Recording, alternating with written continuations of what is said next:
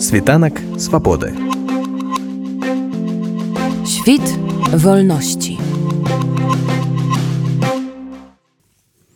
як бачаць Беларусь замежныя журналісты і што расказваюць сваім чытачам. Медыйны вобраз Беларусі за мяжой ужо другі раз даследаваў цэнтр новых ідэй. Асноўная задача паглядзець, хто што і колькі пісаў пра нашу краіну з сярэдзіны 21 года па сярэдзіну 22. Сёлета праўда, апроч колькасных характарыстык вывучалі і якасныя. Аўтары прааналізавалі артыкулы і пагаварылі з журналістамі вынікі гэтай працы прымусяць задумацца прадстаўнікоў дэмакратычных сіл і дыяспары ольга сямашка таксама вывучыла лічбы У 2020 годзе Беларусь уварвалася ў міжнародны парадак дня спачатку яркай прэзідэнцкай кампаніі з асобай ціханаўскай, потым шматтысячнымі пратэстамі, затым гвалтам і тэрорам парушэннем правоў чалавека. Пасля інтарэс да нашай краіны крыху спаў, але з сярэдзіны 21 Беларусь зноў вяртаецца ў медыйную павестку, часам нават на першыя палосы, за кошт уцягнутасці ў міжнародныя падзеі. У маі 21 года нагадае улады Беларусі прыму прымусова пасадзілі самалёт каб арыштаваць журналіста романа пратасевіша пазней яны справакавалі міграцыйны крызіс на межах беларусі і ес. С пачаткам 22 года Беларусь пачала прыцягваць увагу замежных выданняў пра звучэнне з расійскай арміі на тэрыторыі краіны. І калі ў студзені увага замежных сМ канцэнтравалася на рассіі і яе падрыхтоўцы да вайны то 24 лютага Беларусь пачала набываць вобраз суагрэсара ў гэтай вайне супраць Украіны. Кажа аўтар даслед даследавання леся руднік і мы праверылі што пра гэта пісалі міжнародныя выданні як яны акрэслівалі беларусаў як агрэсараў ці хутчэй як ахвяраў рэжыму. Самае папулярнае меркаванне гэта тое што беларусы з'яўляюцца ахвярамі рэжыму менш лічаць беларусаў агрэсарамі. Хтосьці кажа што гэта народ пад акупацыяй. Вас паловаць соткі называюць беларусаў то што мы як бы згрупавалі под катэгорыя слабая па духу нацыя то бок недастаткова рашуча дзейнічаюць. І такое меркаванне выданне як бы больш за ўсё прысутнічала в украінскіх выданнях якія трапілі ў наш аналіз. У большай ступені міжнародныя выданні звярталі ўвагу на беларускіх дабараахвотнікаў на вайне якіх яны характарызавалі як герою як людзей якія дапамагаюць украіне таксама пра рэйкавых партызан пра іх было вельмі шмат матэрыялаў і канешне мы ведаем што гэта былі такія гучныя гісторыі якія замежным выданням падабаліся. Але вайна і удзел у ёй беларусі ўсё ж такі на другім месцы у замежных выданнях. Больш за ўсё пісалі пра міграцыйны крызіс. І тут па-за канкурэнцыі сМ польшчы і літвы. Краіны якія знаходзяцца далёка ад беларусі напрыклад ЗША ці бразілія даволі шмат пісалі пра геапалітычны кантэкст пра беларусі ў геапалітычным кантэксце. Польша і літва за часцей за ўсё пісалі пра міграцыйны крызіс ці вайну ва ўкраіне ну і прадказальна для украінскіх выданняў цэнтральнай тэмы стала вайна некаторыя краіны асабліва фокусаваліся на іншых падзеях так напрыклад польскія выданні часто пісалі пра культуру і грамадства беларускае а японскія пра спорт вось менавіта ў кантэксце удзелу беларусі у алімпіядзе Дзякуючы месяцам міграцыйнага крызіса Лукашенко паступова прымушаў захад вяртаць яго суб'ектнасць у міжнароднай палітыцы, што паўплывала на рост яго медыйнай прысутнасці ў замежных сМ. І тут у барацьбе за ўвагу журналістаў афіцыйны мінск на шале з лукашэнкам перамог дэмакратычная сіла сціханаўскай, як кажуць у адну брамку 79 процентаў супраць чатырох. Лукашенко апісваўся у тым ліку праз стасункі з пуціным у дачыненні да геапалітычнага кантэксту дачыненні да суагрэсіі беларускага рэжыму у расійскай вайне супраць Україніны і тут лукашенко які стаў героем 28соткаў усіх артыкулаў у першую чаргу опісваўся як сябра ці паплечнік Пуціна партнёр які добраахвотна пагаджаецца на ўсё тое што адбываецца то бок добраахвотна прымае рашэнне наконт удзелу ў вайне і іншыя палітычныя рашэнні нашмат менш артыкулаў опісвалі лукашенко як марыянетку Пуціна і гэта скажем так было для нас невялікім сюрпрызам тому что нам падавалася что наратыў про тое что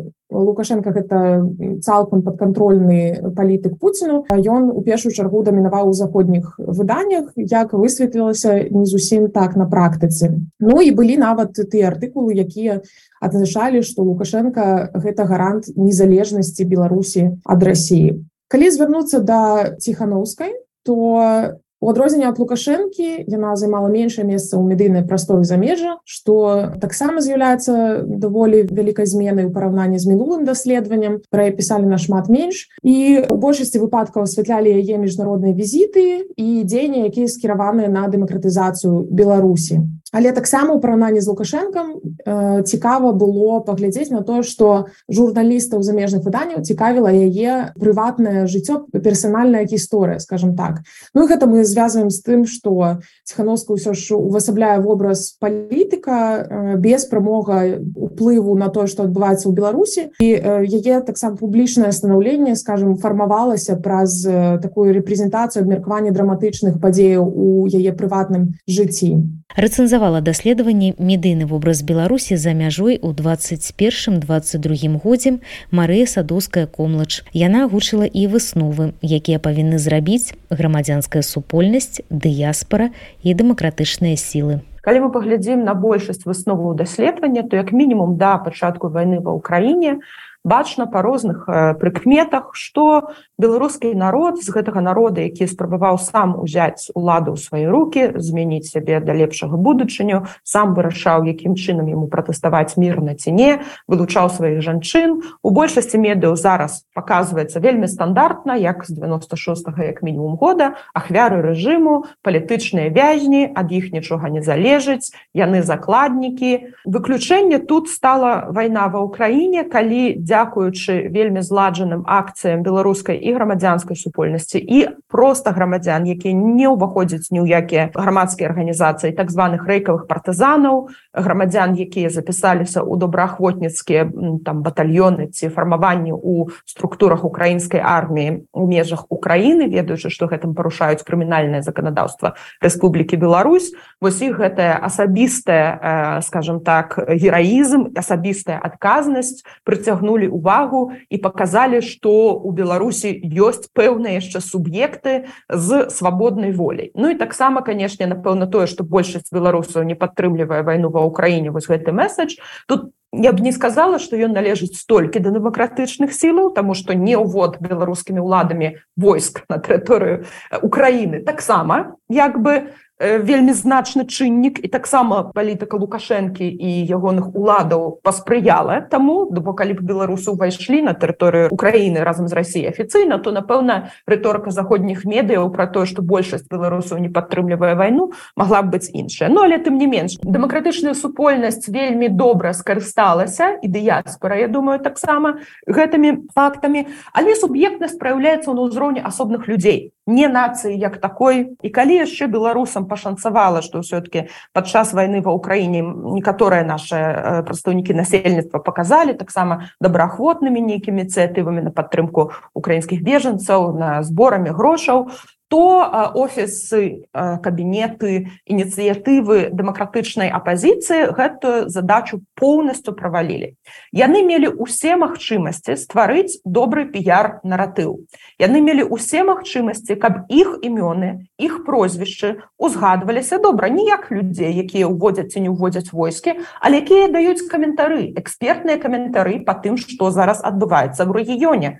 У байпола ёсць былыя меліцыянты у цяперашнім кабінеце ці там як гэта называется ёсць былыя таксама супрацоўнікі і сілавых структур і міністэрства замежных справаў у якіх ёсць вялікая экспертыза па ўсіх тых тэмах якіх не хапае. Беларусь у геапалітычным кантэксце наколькі рэалістычна ваенная пагроза з боку Беларусі у выпадку таких ці іншых дзеянняў рассеі каб гэтыя каментары бралі каб да іх звярталіся павінна быць вельмі граматная у супрацы з замежнымі піяр-агенствамі праца людзей якія з гэтымі палітыкамі працуюць за мяжой. Гэтай працы здаецца не было. Калі мы побачым на беларускую карціну гэтых двух год то ўсе гэтыя названыя асобы былі галоўнымі ньюсмейкерамі для беларускіх медыяў і складваецца ўражанне что э, як бы гэта было узята як дадзенае что калі нами так цікавяцца наши родныя меды то заходнія меды ну просто мусяць уже ўзяць і, і браць інтэрв'ю у нас. Тым больш калі мы паглядзім на годаў колькі візітаў было замежных Украіны дзе знаходзяцца гэтыя меды гэтыя візіты былі десяткамі калі мы палічым усіх там латушка ціхановская так далей. То бок нельга сказаць что не было зусім ніякай навіннай нагоды каб на нагадаць что у нас ёсць такі-то эксперт і так далей. Не ведаюце гэта была свядомая палітыка офіса напрыклад давайте дадзім святло на беларускі народ а не на нас як асобаў. Але бачна по частотнасці упамінання Святланы ціхановскай не думаю что там іншыя палітыкі не ведаюць яны траплялі там латушка ці хтосьці яшчэ ў вашу лінзу что гэтая частотнасць вельмі маргінальная і что ім не ўдалося стаць значным голасам які б распавядаў хаця б як альтэрнатыўная думка лукашэнца сэнсы не абавязкова як адзіная ісціна про тое якая гэта Беларусь. Гэтую задачу на жаль таксама пераход суб'ектнасці ў аб'ектнасць падтрымалі ці недавыканалі дыяспоры мы як дыяспоры тое что про дыяспоры узгадваецца ў кантэксце арганізацыі культурных акцый прабачце ці акцыі падтрымки там у цікачоў абазначае што дыяспоры паклалі на паліцу вось гэтых усіх дзіўных там э, берманцаў курдаў яшчэ кагосьці хто там збіраецца фалунганг з Китая і час да часу робіць нейкія свае рытуальныя там э, абрады канешне у краінах якія блізка да беларусі літва ці польша гэта іншае ўспрыманне але тое што пра акцыі дыяспоры і ўвогуле пра дыяспору ўспрымаецца праз прызму арганізацыі нейкіх вось дастаткова нішавых э, рэчаў гэта абазначае што сярод дыяспоры дзе есть вельмі моцны экспертны патэнцыял ну, не стала э, крыніцай такой эксперты світанак свабоды. у Świt wolności.